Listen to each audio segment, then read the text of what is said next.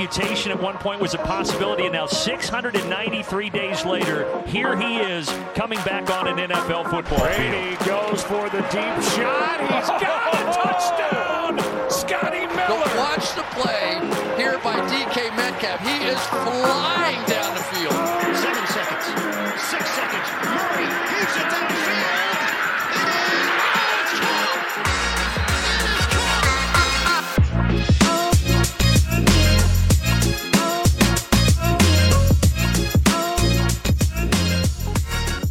Welkom allemaal bij een nieuwe aflevering van de Sport Amerika NFL podcast. Mijn naam is Toon Aerts. We zijn vandaag maandag. En dat wil zeggen dat we exact een dag na de championship round in de NFL zijn. En die willen we natuurlijk uitgebreid bespreken. En we, dat zijn ik zelf uiteraard vandaag, en Lars Leeftink. Hallo Lars. Goedenavond. Heb jij eh, intussen alles wat er gebeurd is eh, al een plaats kunnen geven, al verteerd? Ehm, helaas heb ik eh, vooral heel erg veel eh, gelezen en gekeken naar eh, fouten van scheidsrechters dit weekend. Er helaas weer meer over gepraat dan over de wedstrijden zelf. Ehm, maar goed, ja, weet je, het hoort er ook een beetje bij. Alles wordt natuurlijk uitvergroot nu er maar twee wedstrijden zijn en er zoveel op spel staat. Dus. Maar ik heb zeker van de tweede wedstrijd genoten. Ik moet wel zeggen dat ik de tweede helft niet gezien heb, want toen was het kwart over twee of zo s'nachts. En ja, er moesten de volgende dag gewoon dingen gebeuren natuurlijk. Dus ik heb hem Ja. teruggekeken, de tweede helft. Maar uiteindelijk werd ik nog wel spannender dan dat ik dacht op basis van eh, de eerste helft. Ja, inderdaad. Het was een beetje een eh, kopie van, eh, van de championship game vorig jaar tussen die twee teams, Ja, de Chiefs precies. en de Bengals. Maar daar komen we straks wel op terug. Ja, ik heb zelf natuurlijk beide games live helemaal gezien. Ik, had, ik was commentator op Belgische televisie. En wat je zegt, ja, ik kan je zeggen dat dat ehm, live ook zo was, dat er heel veel discussie was over eh, wat de scheidsrechters wel en niet deden. De gemoederen liepen soms hoog op in onze commentaarcabine, moet ik zeggen. Ehm, dan gaan we toch vandaag vooral, denk ik, over de wedstrijden zelf spreken. Al moeten we zeggen, Lars, ja, die scheidsrechterlijke We kunnen ze niet beslissingen... Nee, we moeten het er wel even over hebben, vrees ik. Ja. Maar voor we daarin duiken, ehm, toch nog wat nieuws eh, meegeven in de NFL. Ehm, tijdens, het was geloof ik tijdens de 49ers-Eagles, Ja. kwam er plots het nieuws dat eh, Kellen Moore, de offensive coordinator, voormalig offensive coordinator van de Cowboys, ja, dat hij wegging eh, in, hoe noemen ze dat, in gemeenschappelijk overleg of gezamenlijk overleg. Ja, Ehm, hoeveel daarvan aan is, ja, daar stel ik mij ook vragen bij. Maar vandaag heeft hij al een nieuwe job gevonden. Dat is bijzonder snel gegaan. Want Kellen Moore, Lars, die wordt eh, offensive coordinator bij de LA Chargers. ja, en ik denk dat dat eh, vooral heel goed nieuws is voor Herbert natuurlijk. Ik denk dat eh Moore zich bij de Cowboys al meer dan genoeg bewezen heeft. Hij had natuurlijk ook het talent daar wel voor. Ik bedoel, eh, we mogen veel zeggen, maar Prescott is zeker niet de slechtste quarterback in de NFL. De wapens die hij jaren had, waren natuurlijk ook prima. Maar ehm, ja, weet je, op wat beslissingen na op momenten, weet je, ik bedoel, het is nog steeds een jonge coördinator die gaat fouten maken. Dat, eh, dat is nou eenmaal zoals het werkt, daar leer je van. En ik denk dat Herbert, eh, ja, als die Herbert tot zijn beschikking krijgt en je kijkt ook wat voor wapens hij daar bij de Chargers gaat hebben, dat, dat, eh, dat het alleen maar goed nieuws voor Herbert gaat zijn. En ook voor de carrière van Moore, denk ik. Want ik denk dat dit een uitstekende plek voor hem is om wellicht de volgende keer een stap als head coach te zetten. Eh, wat mij vooral opvalt is dat, ze, dat de Cowboys hem gewoon laten gaan. Ik, dat verbaasde me eigenlijk een beetje. Ik dacht eigenlijk, ja, weet je, die gaat sowieso. ehm, volgens mij kolde die wel plays. Ik zag, las wel dat McCarthy af en toe dat overnam op bepaalde momenten. Maar in principe hadden de Cowboys dan gewoon nee kunnen zeggen. Want ja, het is niet per se een upgrade van positie van de Cowboys naar de eh, Chargers. Maar ja, ze lieten hem gaan en het was mutual. Dus waarschijnlijk betekent dat dat zij wel, wel mee eens waren dat hij wegging. En dat hij waarschijnlijk ook wist dat hij heel makkelijk een andere baan kon krijgen. Nou, dat is wel gebleken een dag later.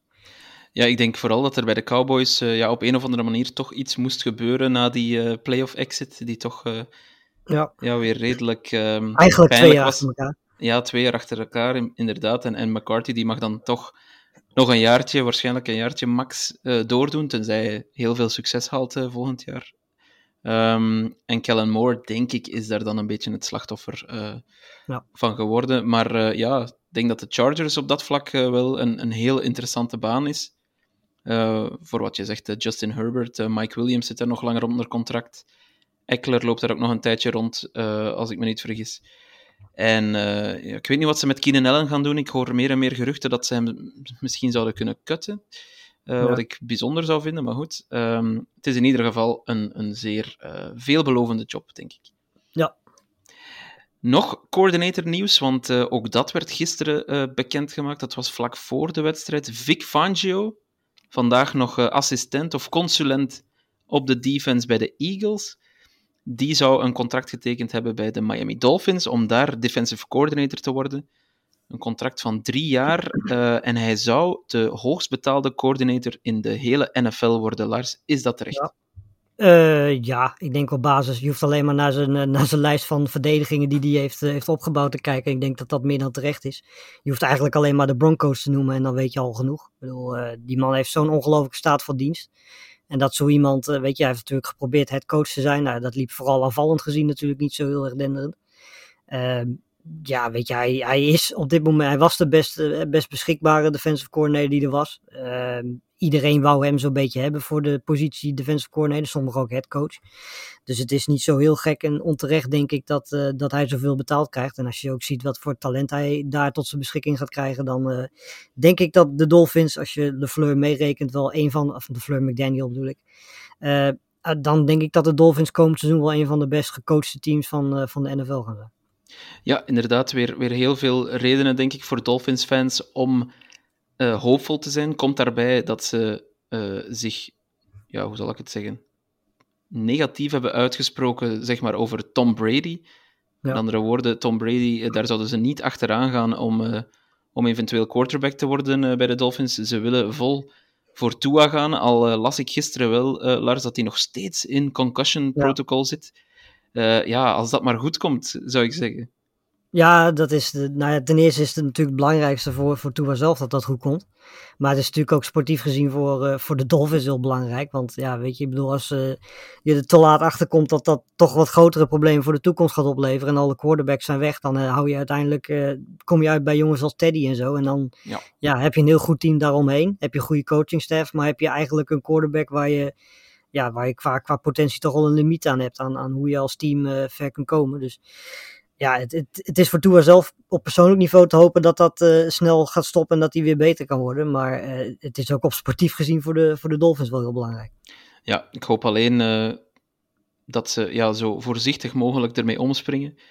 Ik denk als je Ja. als quarterback of als eender welke ja, persoon drie hersenschuddingen oploopt op een slordige tien weken tijd, dan, ehm, ja, dan moet je heel, heel, heel voorzichtig eh, daarmee omgaan.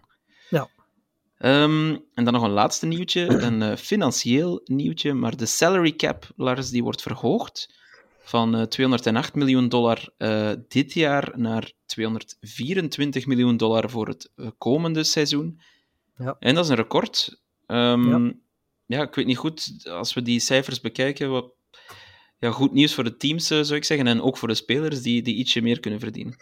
Ja, dat goed voor de sport ook, denk ik. Want het, eh, het feit dat het nu weer omhoog gaat. We hebben natuurlijk jaren de, door corona natuurlijk dat naar beneden is gegaan. Eh, het feit dat het nu zoveel omhoog gaat en nu zelfs een recordaantal is, geeft denk ik wel aan hoe eh, immens populair de NFL is. Als je ook kijkt naar de, de kijkcijfers van afgelopen jaar. Die gingen ook weer record na record voorbij. Dus ja, weet je, wat dat betreft is de, de, de sport zit heel erg in de lift. En ook als je ziet, hè, steeds meer Europese wedstrijden. Dus ik denk, eh, wat de sport betreft, en op financieel vlak gezien, is dat voor, voor de sport goed. Voor de teams goed, want zij krijgen meer ruimte. En ook voor de spelers goed, want zij kunnen natuurlijk uiteindelijk ook meer vragen. Ja, ik denk inderdaad eh, dat eigenlijk iedereen hier, eh, hier beter van wordt. Misschien enkel de eigenaren niet, die ietsje, Ja, meer, ietsje meer zullen moeten betalen. Maar ja, ik denk dat ze die, wat is het, eh 16 miljoen, eh, dat zullen ze wel niet zo hard voelen, zeker. eh. Dat denk ik ook. ja. Je ziet het vooral terug bij eh, als je een, eh, een NFL-franchise wil kopen. Kun je wel zien bij de Commanders nu hoeveel je dan moet betalen. Dat eh, word je niet vrolijk van. Ja, zelfs voor de Commanders. Precies. Zelf voor de Commanders. Ja. Alright, gaan we naar de wedstrijden van gisteravond kijken. Om 9 uur stond de NFC Championship op het menu. De Eagles die ontvingen het eigen Lincoln Financial Field de San Francisco 49ers. Lars, dat kondigde zich aan als een eh, titanenstrijd, een eh, duel tussen twee giganten, de twee beste rosters van het NFL, werd gezegd. Ja. Ehm, ik had daar heel, heel, heel veel zin in in die wedstrijd. eh, ietsje meer zelfs nog dan Bengals Chiefs. Maar ja, ik denk dat het ongeveer... Het was de eerste drive, denk ik, van de 49ers, waar het meteen misliep voor Ja. Brock Purdy. En uh, ja, sindsdien, uh, de Eagles uh, liepen ermee weg. Ja, nee, het was, ik, ik heb heel veel mensen horen zeggen dat het vooral kwam omdat Purdy geblesseerd raakte. Uh, nou snap ik dat wel, maar uh, volgens mij waar de, waar de 49ers deze wedstrijd vooral verloren hebben is aan, aan beide kanten van de, van de lijnen. Want uh, ja, die blessure van Purdy komt natuurlijk deels omdat die offensive line dramatisch speelt en deels ook omdat ze besloten Reddick met een tight end te, te, blokken eigenlijk ja. de hele eerste helft. Geen idee waarom ze dat van plan waren om te doen, maar goed, dat levert Purdy uiteindelijk een, een blessure en ook nog eens een fumble op. Ehm, ja, weet je, op het moment dat dat gebeurt is natuurlijk het momentum al helemaal bij de Eagles. Zeker op het moment dat ook hè, een Bosa eventjes uh, op een vrij bizarre manier bijna blessure oploopt, waardoor ja. die wedstrijd niet uh, door kan zetten. Uh, we hadden natuurlijk al Fred Warner die even op de grond lag. Dus ja, op dat punt van de wedstrijd dacht je echt van ja, dit is niet de dag van de Eagles. Um, nou ja, dat bleek uiteindelijk ook niet. Maar dat kwam uiteindelijk eigenlijk pas vooral vlak voor rust. Die, die periode waarin ze volgens ja. mij binnen twee minuten twee touchdowns tegen krijgen, ja, dat is dodelijk. Dan sta je 21-7 achter in plaats van dat het uiterlijk 14-7 is. Ja. Dan, uh, dan ben je klaar. En dan blijkt Purdy ook gewoon echt niet te kunnen gooien in de tweede helft. En dan uh, blijkt je ook niet echt te kunnen rennen op die ene run van McCaffrey na. Uh, ja, dan, dan is het gewoon afgelopen. En dat komt ook gewoon omdat uh, de, de verdedigende lijn van, van de, de Eagles gewoon zo goed was dat de offense van de 49ers gewoon compleet niet functioneerde. Nee, inderdaad. Um, wat je zegt eh, klopt helemaal. Ik denk dat de Eagles deze wedstrijd winnen aan, aan, beide, aan beide kanten van de line of scrimmage. Uh, ja. Zeker de O-line, die was heel, heel dominant. Um, uiteindelijk, want er was geen enkele running back die er echt bovenuit stak voor de Eagles, maar ze halen samen wel uh, gewoon 148 rushing yards. Ja. Um, terwijl de 49ers net de beste run defense uh, zouden moeten hebben in de NFL. Dus dan uh, weet je al gewoon dat die O-line de strijd gewonnen heeft.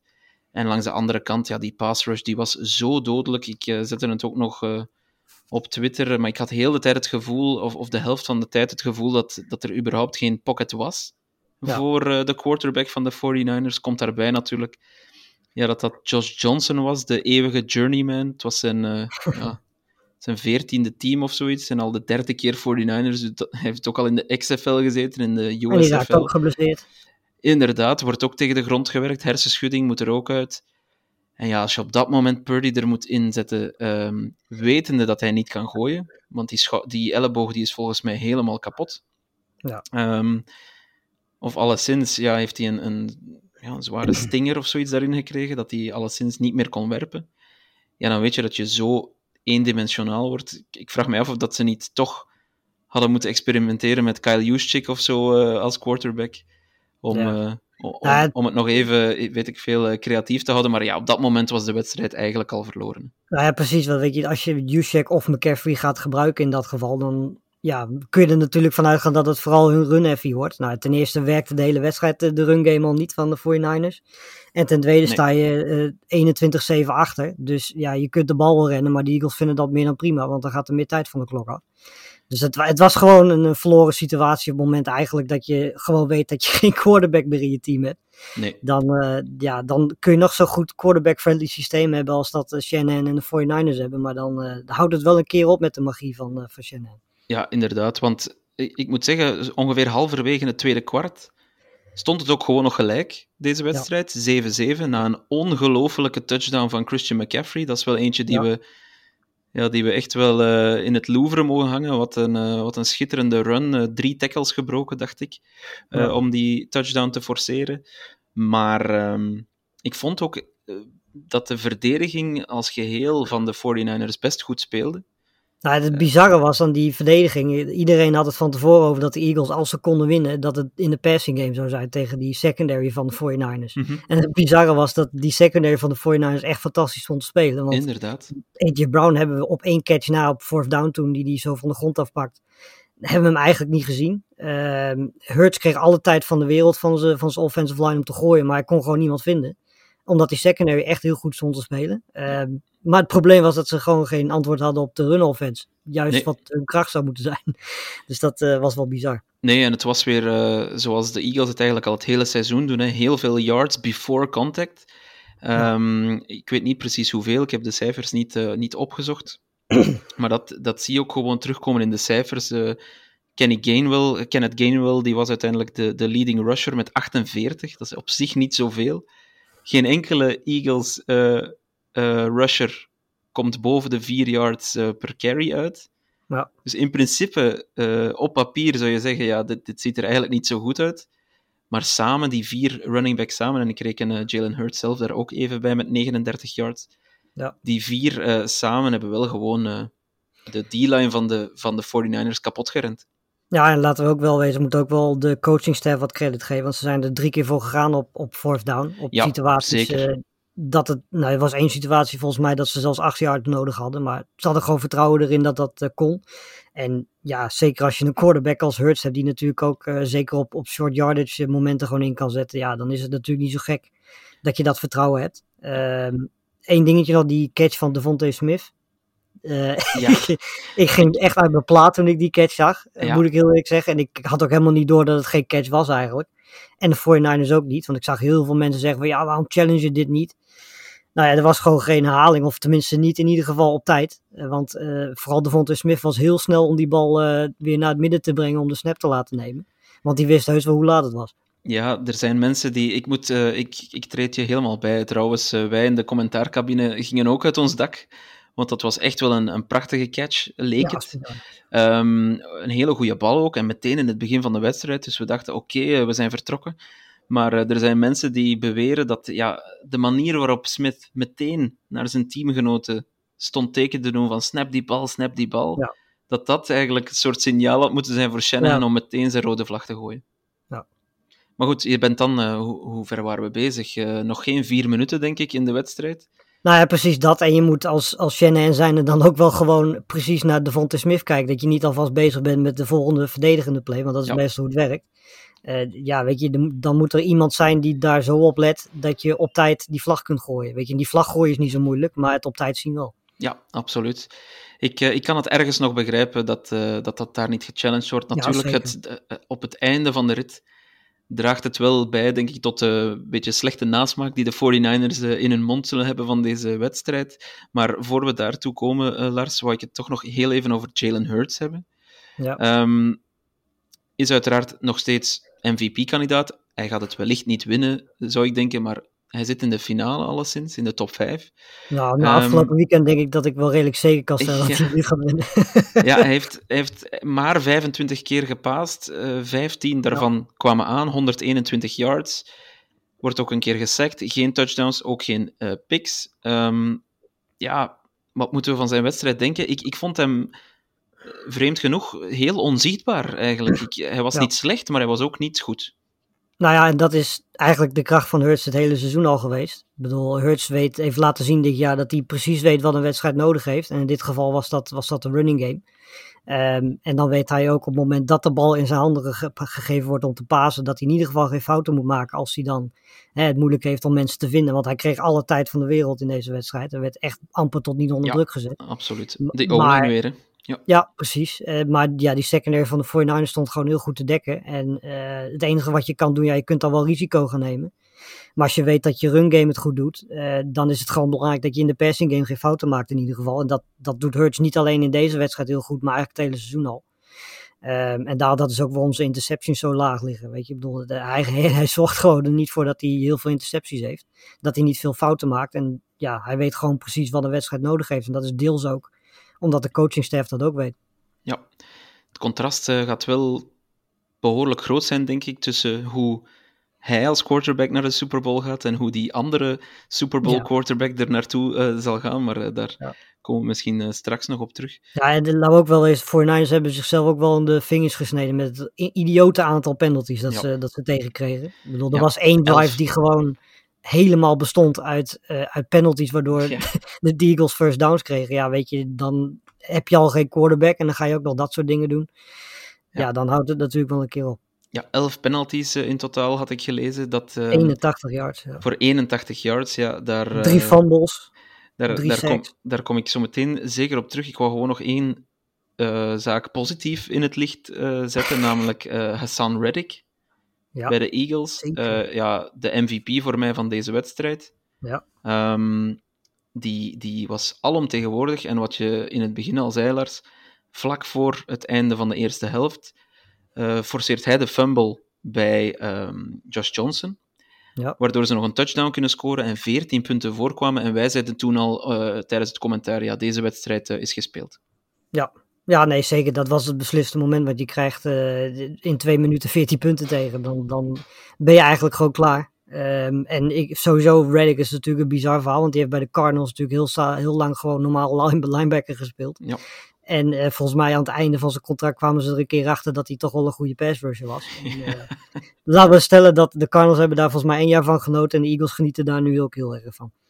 Ja. En hij is onderdeel van, van een ja, bizarre, bizarre defensive line. Het feit dat je vier, vijf mensen met 10 plus seks hebt dit jaar is, is eigenlijk gewoon gestoord. Ja, dat is Eh, ongelooflijk. Sommige teams zijn al blij dat ze er überhaupt één hebben. Eh, laat staan vier of vijf. En ja, in deze wedstrijd was Hargreaves trouwens ook weer heel erg goed.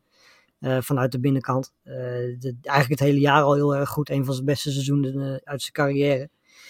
Ja, en als je gewoon 5, 6, 7 van dat soort spelers hebt. We hebben het al heel vaak gehad over de diepte van de, van de Bills en de 49ers. Eh, maar als je dat soort jongens kunt roleren in wedstrijden. Hè, met een Cox erbij, met een Joseph erbij. Dominic nou Sue ga- eh, speelde ook zijn rol.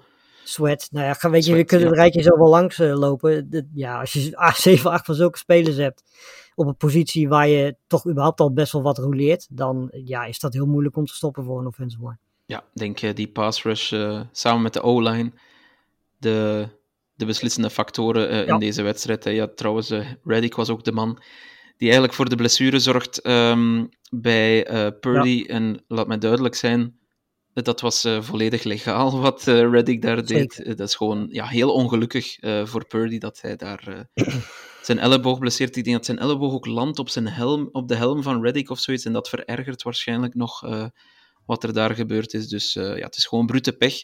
En Reddick, eh, die ehm, ja, wat mij betreft de MVP van deze NFC Championship was. Ehm, maar Lars, ja, we moeten wel even de eh, elephant in the room benoemen. Er was heel veel commentaar in beide games op de eh, arbitrage.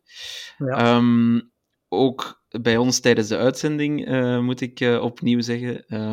Maar er waren wel een aantal ja, twijfelachtige calls in deze wedstrijd.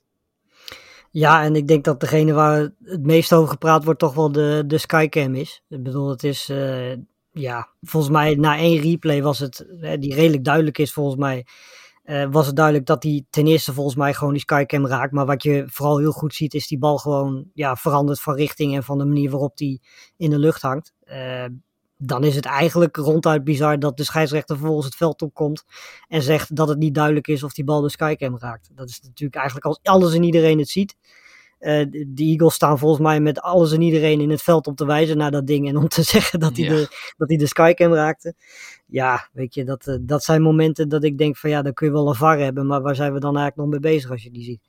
Ja, vooral, ik denk dat het ja, vrij snel al dat de referee eh, afkondigde van ja, we kunnen niet bepalen of de bal ehm, tegen, de, de, ja, tegen de draad eh, gegaan is. Terwijl je, ik denk nog geen minuut later, een heel duidelijke herhaling kreeg, heel hard ingezoomd, dat hij ja, het overduidelijk tegen de draad was. Dus die punt moet gewoon herspeeld worden. Ehm, ik vind het heel vreemd dat die beslissing zo snel genomen werd. Dat is dan een beslissing zeg maar, in het voordeel van de 49ers geweest eh, op dat moment. Want het was de Eagles die moesten punten, als ik me dat goed herinner. Ja.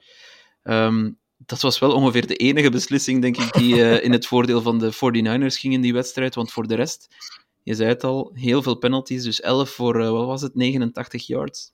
Ja, 81. Ehm, of 81. Ze zijn, ik denk, het meest gepenaliseerde team tot gisteren was, waren de Bengals. Ehm, eh, nee, ik ben, eh, ben feiten aan het door elkaar halen. Nee, het tweede meest gepenaliseerde team waren de Bengals, maar dat was ook gisteren. Dus, eh, met Ja. negen penalties, dacht ik. En dan daarvoor ken ik de cijfers niet van buiten, maar het, het verschil was wel redelijk groot. Ehm, je hebt natuurlijk de gemiste non-catch van Smith, daar hebben we het al over gehad. En, en wat Ja. mij ook opviel, was die roughing the kicker die Ja. gecalled wordt. Dat moest naar mijn idee een... ehm, eh, hoe noemen ze dat? Wat is het eh, tegenovergestelde daarvan weer? Eh, je hebt roughing the kicker en dan heb je running into the kicker. Ehm, maar dat is natuurlijk een wezenlijk verschil, want running into the kicker is gewoon 5 yards penalty en het blijft fourth down. Ja. Terwijl roughing the kicker 15 yards is en een nieuwe eerste poging.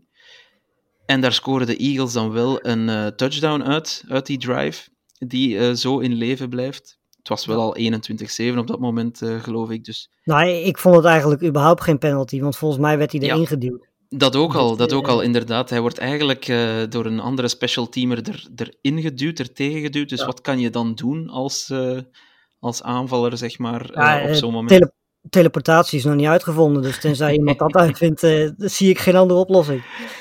En dan herinner ik mij ook een, een face mask die wordt gecalled op Dre Greenlaw. Maar eh, je kon daar in de herhaling eigenlijk zien dat beide spelers elkaars face mask eh, vast hadden. Eh, Ja, maar dat snap ik überhaupt nooit, want ik zie de offensive spelers dat heel vaak doen. Ja. Maar die worden daar echt amper tot niet voor, voor, nou ja, voor bestraft. En als een defender ook maar één, één vinger in zijn, in zijn facemerk heeft, dan, eh, dan krijgt hij meteen een penalty. Ja, dat is sowieso een beetje natuurlijk het algemene verhaal dat verdedigers sowieso wat meer eh, tegenkrijgen dan dat de aanval dat krijgt. Omdat Ja. we, ja, we willen meer punten zien, meer spektakel, noem het allemaal maar op. Uiteindelijk had je ook die vechtpartij natuurlijk. Nu, dat was wel... eh, dat was trouwens een behoorlijk de mooie... verkeerde persoon om uit te kiezen. Ja, een be- behoorlijk mooie tackle wel, moet ik zeggen. Mooie, mooie suplex, om het in eh, worsteltermen te zeggen. Ja, hij, laat ze ook zien alsof het, eh, als je dat zo ziet, hoe die op de grond gegooid wordt, lijkt het alsof hij 1,60 meter is en 30 kilo weegt. Maar dat zijn gewoon echt hele zware kerels. Het maakt gewoon geen reden uit. Maar ik vond wel aan het einde dat de Eagles of de 49ers zich wel een beetje lieten kennen. Ja, Had wel wat minder gebogen. Ik, eh, ik, daar ga ik volledig mee akkoord. Ik denk dat ze zich laten meeslepen hebben. Ik denk dat de frustratie, eh, vooral van het feit dat dit natuurlijk de belangrijkste wedstrijd van het jaar is en alles loopt mis, ik denk dat daardoor uiteindelijk zeg maar, de potjes overkoken eh, uiteindelijk. En inderdaad, ze waren te weinig gedisciplineerd. Alleen, ja, ik had een beetje het idee op een gegeven moment dat alles in de richting van de Eagles ging. Ja. Eh, waarmee ik voor alle duidelijkheid natuurlijk wel heel, eh, heel sterk benadrukken, Lars. Ik wil geen case maken, zoals ik dat sommige mensen zie doen op Twitter, dat de NFL eh, gescript is, of dat Ja.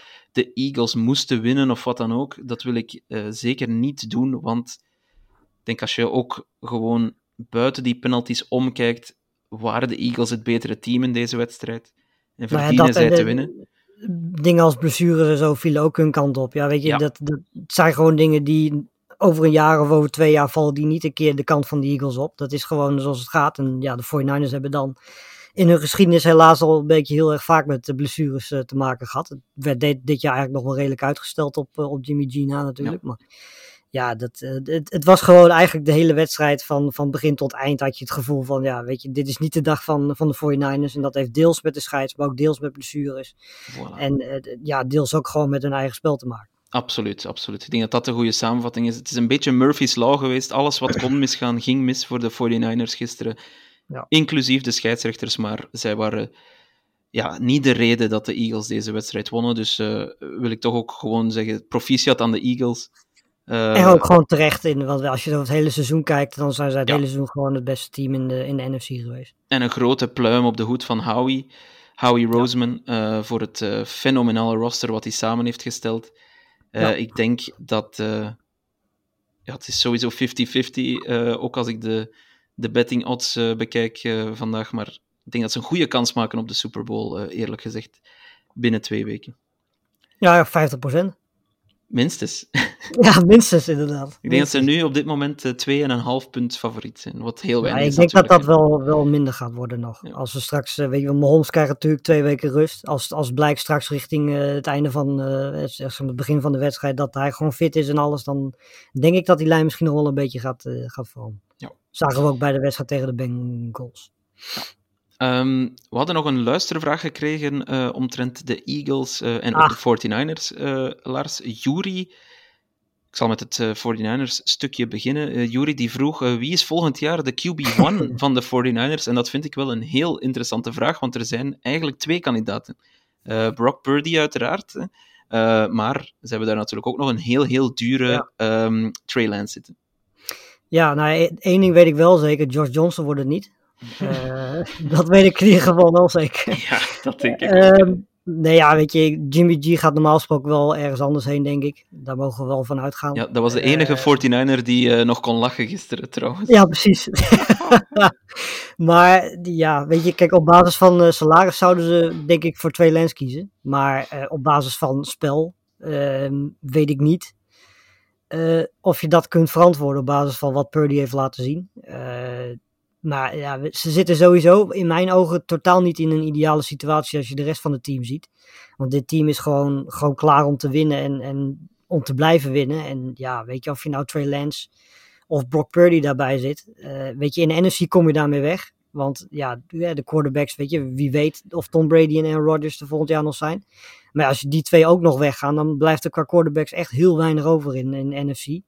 Dus in de NFC kom je daar wel weer weg. Maar als je dan in de Super Bowl terechtkomt, sta je sowieso tegen de top quarterback. En Ja. dan ben je waarschijnlijk altijd aan het begin al in nadeel. En dat is wel wat dit team van Shanahan sowieso eigenlijk al jaren mist. Weet je, stel je voor dat je hier een Aaron Rodgers in hebt staan of een Tom Brady of een, eh, weet je, noem hem maar op. Ja, dat zou, dan zou je bijna denken dat dit team gewoon niet te stoppen is. Eh, maar helaas heeft Shanahan nog nooit zo'n quarterback gehad eigenlijk. En ik denk dat dat eh, komend jaar ook niet gaat gebeuren. Ja, wie ze dan kiezen, Lance of Purdy, dat wordt lastig. Want qua potentie denk ik dat Lance meer in zich heeft.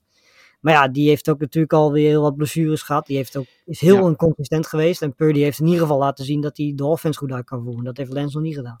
Nee, en wat dan wel weer in het eh, voordeel van Lance spreekt, eh, is dat ze drie, dacht ik, first rounders voor hem hebben eh, Ja. betaald, zeg maar. Ja, en zijn salaris. Ik bedoel, hij verdient eh Ja. 10 miljoen meer dan dat Purdy verdient. Dus. Ja, dus ik denk, ja, ik denk eigenlijk dat ze wel nog. eh, Ja, ik denk dat ze wel voor Lance gaan kiezen. eh, Eigenlijk voor redenen die buiten het veld liggen, eerder dan eh, op het veld. Ehm, en Purdy, ja, gaat hij dat aanvaarden om backup te zijn volgend jaar? Dat is maar de vraag natuurlijk. Tja, het zou wel wat zijn van de nummer laatst gekozen in de draft. Na in één keer niet meer blij zijn als je niet start. Dat Ja. staat er ook wel. eh. Wie weet, hij, hij heeft misschien wel trade value, hè, Purdy, dit, eh, na, Ja. na, zijn, eh, na zijn prestaties. Enfin, dat, Ja, daar heb ik eh, als niet zo goed zicht op. als hij een keer trade value heeft, dan is het nu natuurlijk. Als je ziet hoe die. maar ja, hij is nu ook geblesseerd natuurlijk, dus weer ook weer wat minder. Nee, ik denk dat het. waarschijnlijk gaan ze zeggen van ja, het is, het is een open battle tussen, tussen die twee tijdens camp en tijdens preseason. Terwijl ze waarschijnlijk al lang op de achtergrond besloten hebben wie ze kiezen. Dat laten ze dan in het midden. Maar Ja. Ja, waarschijnlijk zullen ze het naar de buitenwereld toebrengen alsof ze een, een open quarterback competitie gaan hebben. Maar ik denk inderdaad wat jij zegt, dat het uiteindelijk op basis van salaris en talent en, en potentie dat het Lens gaat worden. En dan een eh, vraag ook van Jury over de Eagles. Verwachten wij een eh, contractverlenging voor Miles Sanders dit offseason? Ja, ik, de- ik- ja.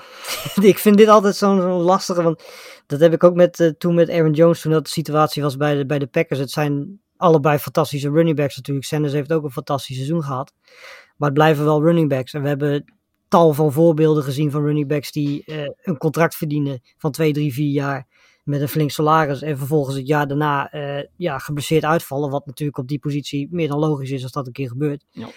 En dan daarna niet meer de running back zijn die ze, eh, waar je voor betaald hebt, zullen we maar zeggen. Dus het is, dat heb je, maar je hebt ook zoiets van, ja, weet je, willen we Sanders laten gaan? Nee, eigenlijk niet, want dan gaat een concurrent met hem aan de haal.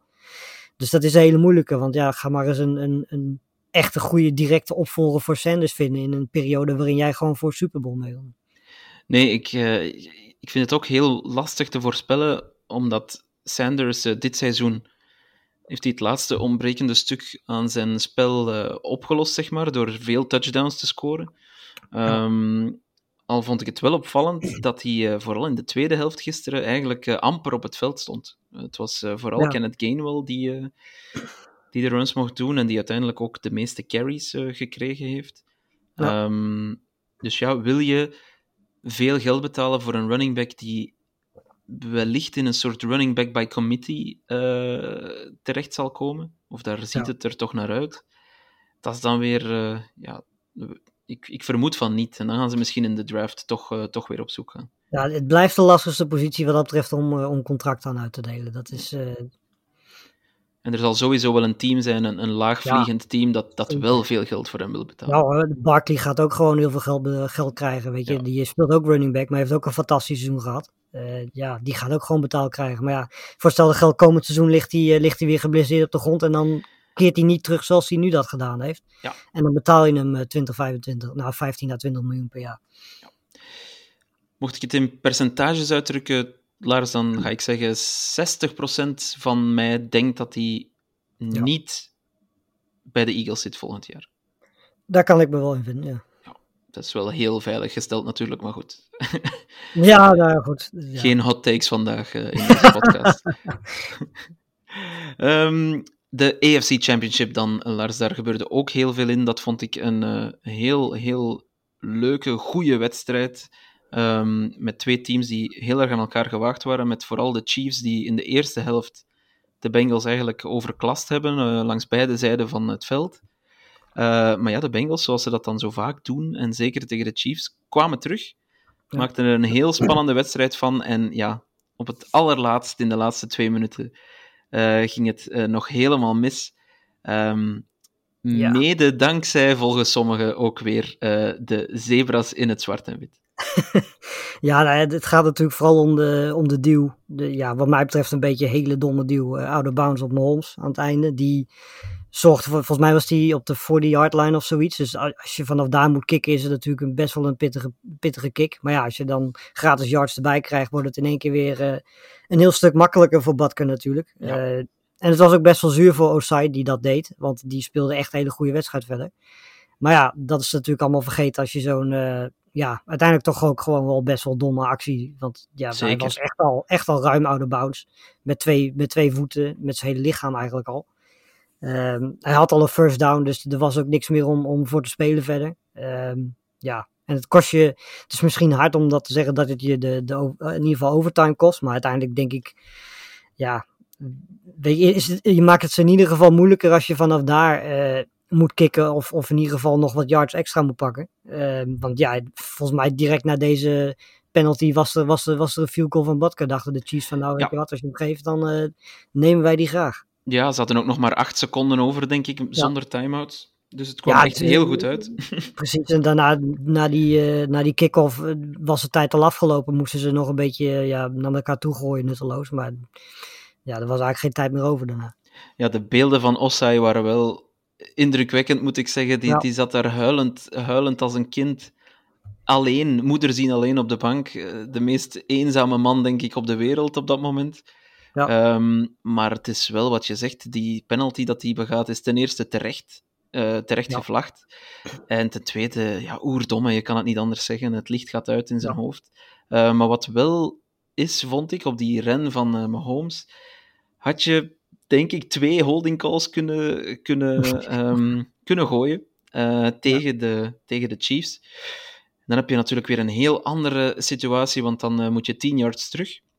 Ja. Ehm, ja, ook even ja, een, een mogelijke roughing the passer op Burrow die niet eh, gecalled wordt. Ja, Daar kun je dat-. Een pass interference die licht toegekend wordt. Nu, Ja. over die roughing the passer. Ik moet zeggen, ik, ik vind dat dan nog... de- daar wil ik ze nog het voordeel van de twijfel geven, want dat werd eh, over de hele lijn niet gecalled. Ehm, En laat ze maar spelen in een eh, championship game, zou ik, zo, zou ik dan zeggen. Ja. Ehm, maar inderdaad, die pass interference, ja, die hand eh, ligt op zijn licht. heup, heel licht, heel licht. Ehm, maar voor de rest moeten we wel zeggen dat eh Mahomes bijvoorbeeld, dat hij wel ja, op één been weer een hele goede wedstrijd speelt. Ja, de- wat mij vooral opviel was dat in, in de eerste helft hadden de Bengals totaal geen, eh geen pass rush. Ik bedoel, op momenten dat het er af en toe was, eh, kon Mahomes gewoon, gewoon rennen. Liet hij wel zien dat hij gewoon functioneel kon rennen en de, de plays kon, kon extenden wat dat betreft. In de tweede helft eh, ging het in één keer meer om de enkel van, van Mahomes. Die werd Ja. steeds meer in beeld gebracht. Je zag hem steeds meer hinken. En dat kwam ook omdat de, de, de Bengals offensive line wat meer druk, of defensive line wat meer druk erop wist te zetten. Ja. Ehm, waardoor je Mahomes in situaties brengt waar je hem eigenlijk niet in wil hebben. Want ja, Mahomes wou gewoon het liefst vanuit de pocket blijven staan en blijven gooien naar Kelsey, die weer een hele goede wedstrijd speelde. Blijven gooien naar Pacheco op, op korte pases, die ook een hele belangrijke rol speelde in deze wedstrijd. Ja. Ehm, maar ja, dat kon in de tweede helft af en toe een stukje minder makkelijk. Ehm, ook omdat de, ja, de Bengals defensive line het een stuk beter deed. En dat mis je eigenlijk, mis je dat in de eerste helft. Ehm, ja, en verder beide teams helemaal geen running game. Maar goed, dat, ja, dat hadden we denk ik van tevoren wel in kunnen schatten. Als je ziet dat beide teams überhaupt amper tot niet rennen. En ook nog eens een goede run defense hebben. Dus dat, dat zat er wel aan te komen. Ik vond. eh, Ja, ik weet, ik weet niet, Lars, ik vond het wel opvallend dat er eh, zo slecht gerend werd, want uiteindelijk, ehm P. Ryan bijvoorbeeld, in week 13, die haalt wel 106 yards. Ja. Ehm, eh, er waren ook wat statistieken vooraf die, die aantoonden dat de Chiefs eh, in hun drie verloren partijen tegen de Bengals, dat die telkens eh, in de eerste helft heel goed renden tegen de Bengals. Ja. Dus ik vond dat eigenlijk wel opvallend dat er niets lukte qua run game. Nu eh, zeg je het wel juist. ik denk dat Pacheco uiteindelijk eerder als receiving back een hele belangrijke rol heeft gespeeld. Een aantal cruciale first downs heeft gehaald. Ehm, maar dat viel mij wel op dat er echt geen running game was langs beide kanten.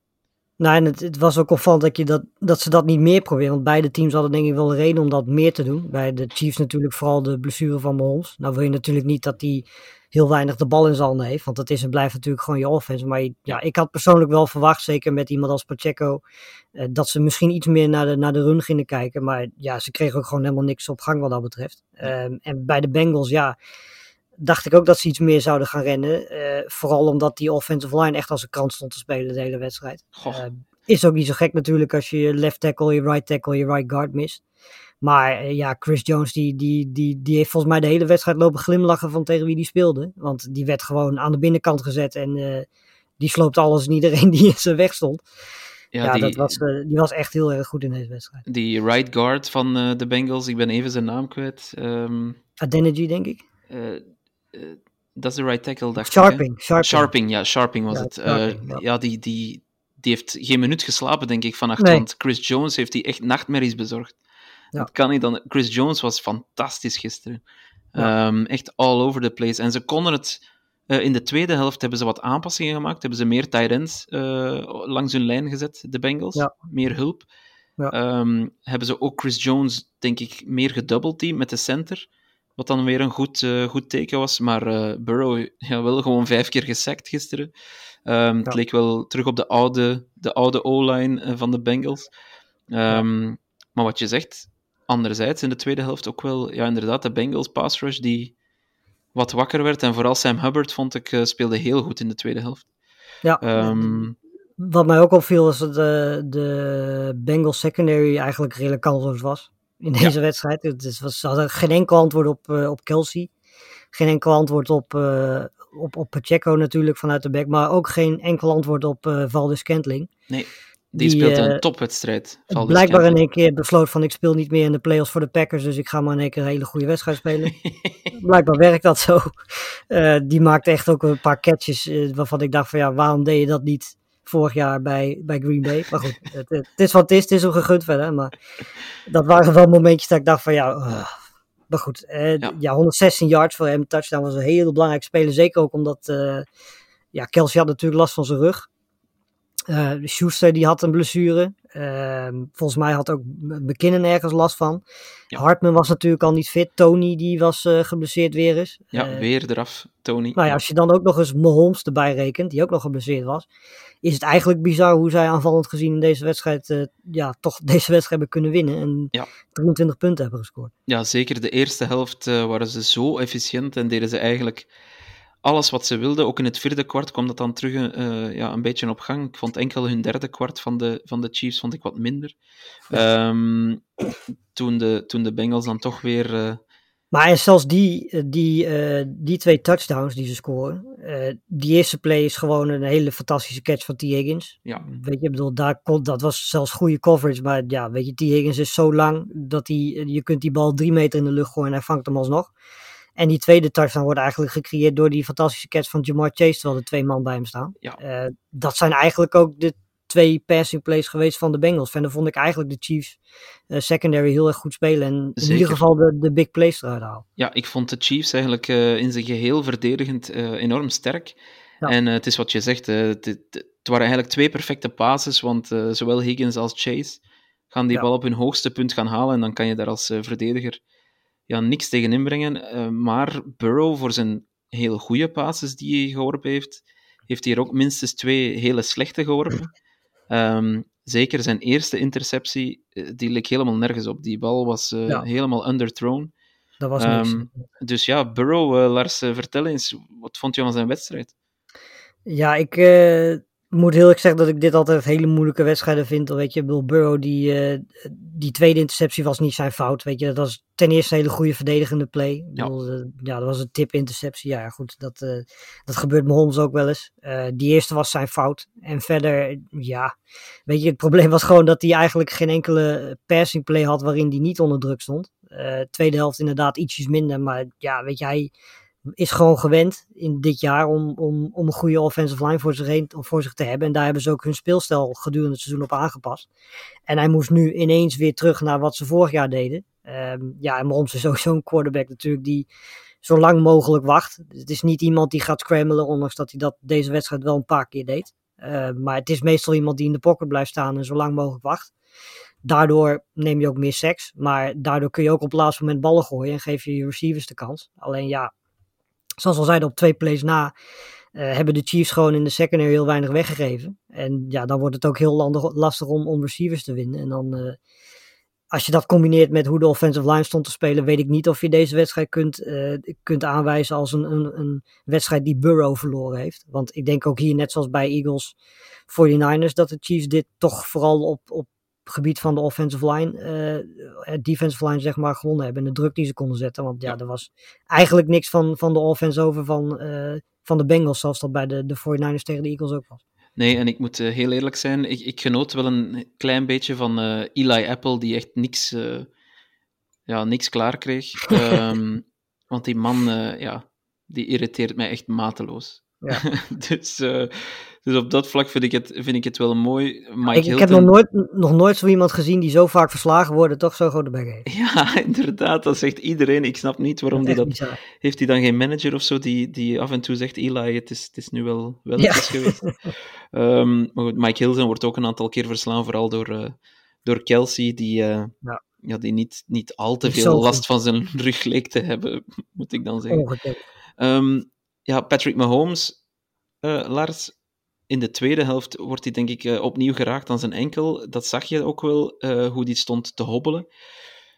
Komt dat goed op twee weken tijd, denk je? Uh, ik denk beter dan in deze wedstrijd. Dat kan bijna niet anders. Ik denk twee weken rust dat dat hem, uh, dat hem goed gaat doen. En dat zal hij ook wel nodig hebben als hij tegen de, de Eagles pass rush moet spelen. Ja. Want de kans is heel groot dat hij dan ook moet gaan, uh, gaan. En als hij dat niet had gekund, dan wordt het een heel lastig verhaal tegen deze defense. Maar ik, vond deze wedstrijd, ik moest eigenlijk aan een paar dingen denken. En dan moest denken aan de flu game van Michael Jordan. Ik moest denken aan de uh, free throw van, uh, van Kobe Bryant toen hij zijn, zijn ACL nou ja, compleet naar de knop had. Daar deed dit mij ook wel een beetje aan denken. Want ja, die man die speelt nu gewoon anderhalve wedstrijd op, op eigenlijk één enkel. En heeft nog steeds amper tot niks fout gedaan. Maakt nog steeds fantastische pases. Ja. Um, ja, voor de mensen die nog, daarom zei ik het eerder in de podcast ook, dat ik niet denk dat Hurts een kans heeft om uh, de MVP te winnen. Want uh, ja, als er nog twijfel was, dan is deze run van anderhalve wedstrijd van, van Mahomes denk ik wel, uh, ondanks dat hè, de playoffs worden niet meegeteld daarin, maar ja, als er nog twijfel over was, dan, dan denk ik dat iedereen het er nu wel over eens is dat Mahomes de MVP is. Ja, en in een iets ruimer plaatje, als er nog veel twijfelaars zouden zijn over wie nu de beste quarterback in de NFL is, court, ja, dan, dan mag dat debat toch ook wel stilaan gesloten worden, denk ik, uh, voor Ja. de komende x aantal jaar. Uh, Ik vind het alleen wel jammer dat die goede quarterbacks zo slecht verdeeld zijn over de, over de AFC en de Ja. NFC. Want het is, ja, weet je, in de NFC heb je Herbert, Burrow, Allen, Mahomes, Lawrence, eh Tua, weet je. Dus ja, daar kun je er al zo zes, zeven opnoemen. En ja, in de NFC heb je dan twee bejaarden die nog redelijk acceptabel staan te voetballen op dit moment. Maar ja, als die weggaan, eh, kom je al heel gauw bij Goffs uit, bij Wilsons uit. Ja. dat is de, aan de ene kant is het jammer, maar aan de andere kant, ja, weet je, je kunt wel de beste quarterbacks in de AFC één of twee keer per seizoen tegen elkaar zien spelen. Dat is dan ook alweer een voordeel. Ja, dat is waar. Dat is waar. We gaan eh, trouwens, we hebben hier denk ik ook wel echt een, een, een nieuwe grote rivalry eh, zien ontstaan eh, voor onze Ja. ogen. Want de, de commentaren van zowel Mahomes en, eh, en vooral Travis Kelsey na de Ja, die- wedstrijd, ehm, ja, die waren er niet naast. Hè. Nee, ja, maar goed, weet je, de, de- de- het was van beide kanten. We hebben het, eh ik bedoel, zowel het gedoe met, met de major van, mayor van, eh, van, Cincinnati die zich er in één keer mee moet bemoeien. Ja. Geen idee wat hij aan het doen is. Beetje olie op vuur gooien. Eh, ja, nou goed. Weet je, uiteindelijk deden ze het allebei wel. Willie Gay zei ook dat, eh, dat hij niet wist wat de kracht was van de Bengals en dat hij niks zag waar hij onder de indruk van was. Nou ja, goed. ze deden het allebei en uiteindelijk degene die wint, die heeft dan, eh, heeft dan het gelijk natuurlijk. Dus voorlopig is Burrow het eventjes iets wat we niet vaak meer zullen horen, denk ik. Nee. Tenzij het van een Chiefs fan komt. Nee, en dat, mogen we, dat mogen we niet meer zeggen. Dat, is, Precies. dat moeten we nu in de koelkast stoppen. En eh, ja, Patrick Mahomes, drie Super Bowl trips eh, op vijf jaar tijd. Dat is niet slecht. Nee, en hoe oud is die? Ehm goeie vraag. Een jaar of eh, 27, dacht ik. Even, even 27 inderdaad. verifiëren. Voilà, die kan nog eh, 20 jaar mee, dus. Ja. Ja, dat worden nog veel, veel, veel Super Bowls. Ehm, Lars, we kregen een vraag van Arnold van der Werf. Nu denk ik dat dat een vraag is die ontstaan is uit eh, een zekere frustratie over deze wedstrijd. Eh, of misschien ook over de vorige wedstrijd. Ehm, maar zijn vraag is heel duidelijk en heel simpel. Waarom zijn de refs zo slecht? Ja, eh, nou ja, we hebben het er voordat we de podcast opnamen ook al over gehad. Wat, we, wat vrij bizar is, is dat ze voor de playoffs al die crews door elkaar heen schudden. Ja. Ehm, dat ja, is eigenlijk onverklaarbaar als je het hele seizoen met nagenoeg dezelfde crew werkt. de, op elkaar kunt vertrouwen, je weet wat elkaars kracht is, eh, hoe mensen fluiten. en dan vervolgens op het moment dat het het allerbelangrijkste is, eh, waar zoveel op het spel staat, ga je alles door elkaar husselen. Ik weet eigenlijk überhaupt niet eens eh, waarom dat gebeurt. Misschien heeft dat met reizen te maken of zo. Ik heb geen idee. Ja, Eh, ik denk, eigenlijk- ik denk dat ze een soort, ehm, ja, moet je het zeggen, een soort all-star cruise van Ja, scheidsrechters willen maken, maar ja, echt zijn. heel all-star zijn ze toch Nee. moet ik zeggen. Nee, maar precies. Weet je, het is eigenlijk te bizar voor woorden dat je straks ook in de Super Bowl een groep hebt die eigenlijk, nou ja, het hele seizoen misschien, nou ja, eigenlijk gewoon niet op met elkaar op veld heeft gestaan. En die moeten dan even de belangrijkste wedstrijd van het seizoen gaan fluiten. Ja, weet je, natuurlijk kun je de basisprincipes dan wel goed doen. Maar ja, eh, het is wel anders dan dat je met een crew staat waar je 17, 18 wedstrijden mee doet gedurende het seizoen. En dan in de playoffs in één keer moet switchen. Ja, en wat mij wel zorgen baart eh, voor de Super Bowl is dat eh, de scheidsrechter die aangeduid is, en ik, zijn naam ontsnapt mij, maar die staat dit seizoen op nummer 1 van aantal vlagjes geworpen. Kijk, dat meer dan een hele 200. lange wedstrijd. Ja, meer dan 200. eh, dat, is het, dat is de enige trouwens eh, in, in- van, van alle scheidsrechters die er meer dan 200, meer dan 200 heeft geworpen. Dus ehm, dat eh, stemt mij niet bepaald hoopvol voor die wedstrijd.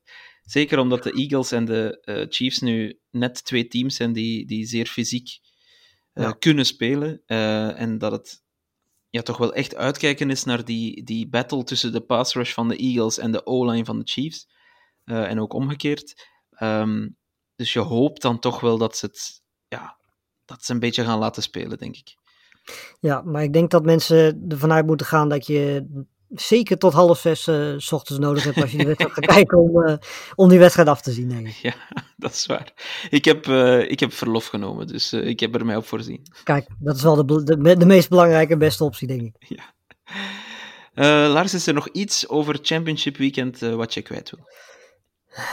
Ehm, nee, het was fijn dat de Packers een keer niet verloren hebben, maar verder, verder heb ik me eigenlijk prima vermaakt. En eh, ja, nou ja, wat ik misschien dan ook nog wel een keer moet zeggen is dat komend weekend natuurlijk de Pro Bowl eh, op programma staat, mijn favoriete weekend. Ja. Ehm, ja, Een flag football game, Lars. Het is, eh, de- waarom doen we dit? Ik, ik, ik begrijp het niet, maar dat, eh, het is voor mij, van mijn kant is dat elk jaar hetzelfde riedeltje. Voor mij hoeft het niet. Ik kijk daar eigenlijk ook gewoon nooit naar. Nee. Eh, je ziet ook gewoon heel veel spelers afhaken, dus je krijgt uiteindelijk straks het tweede of het derde Pro Bowl team dat tegen elkaar speelt. Omdat eh, merendeel van die spelers gaat of in de Super Bowl spelen, neemt geen risico, of is geblesseerd, eh, of gaat lekker op vakantie naar Hawaii omdat hun seizoen al klaar is. Ja, eh, nou ja, goed. Het, eh, als mensen het leuk vinden, moeten ze het vooral doen. Laten we het daarop houden. Als ik er maar niet naar hoef te. Ja, het is, eh, als ik me niet vergis, eh, komende zondag om eh 9 uur, denk ik, start het eh, Nederlandse tijd.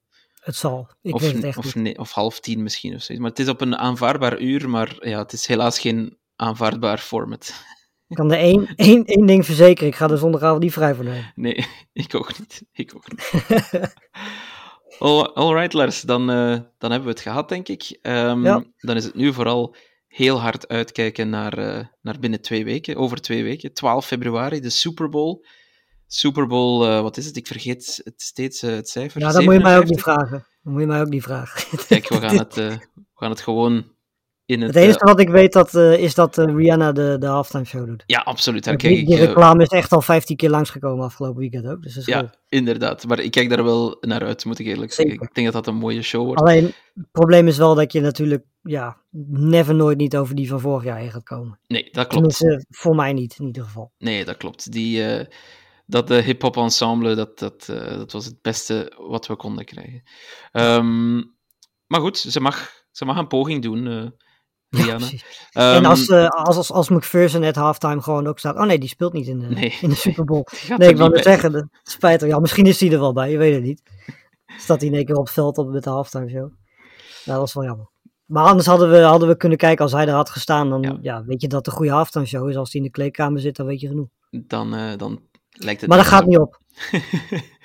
In ieder geval, uh, wij gaan met. met, met oef, ik raak niet meer uit mijn woorden. Ik heb amper. Uh, ik heb minder dan drie uur geslapen, dus vergeef het me.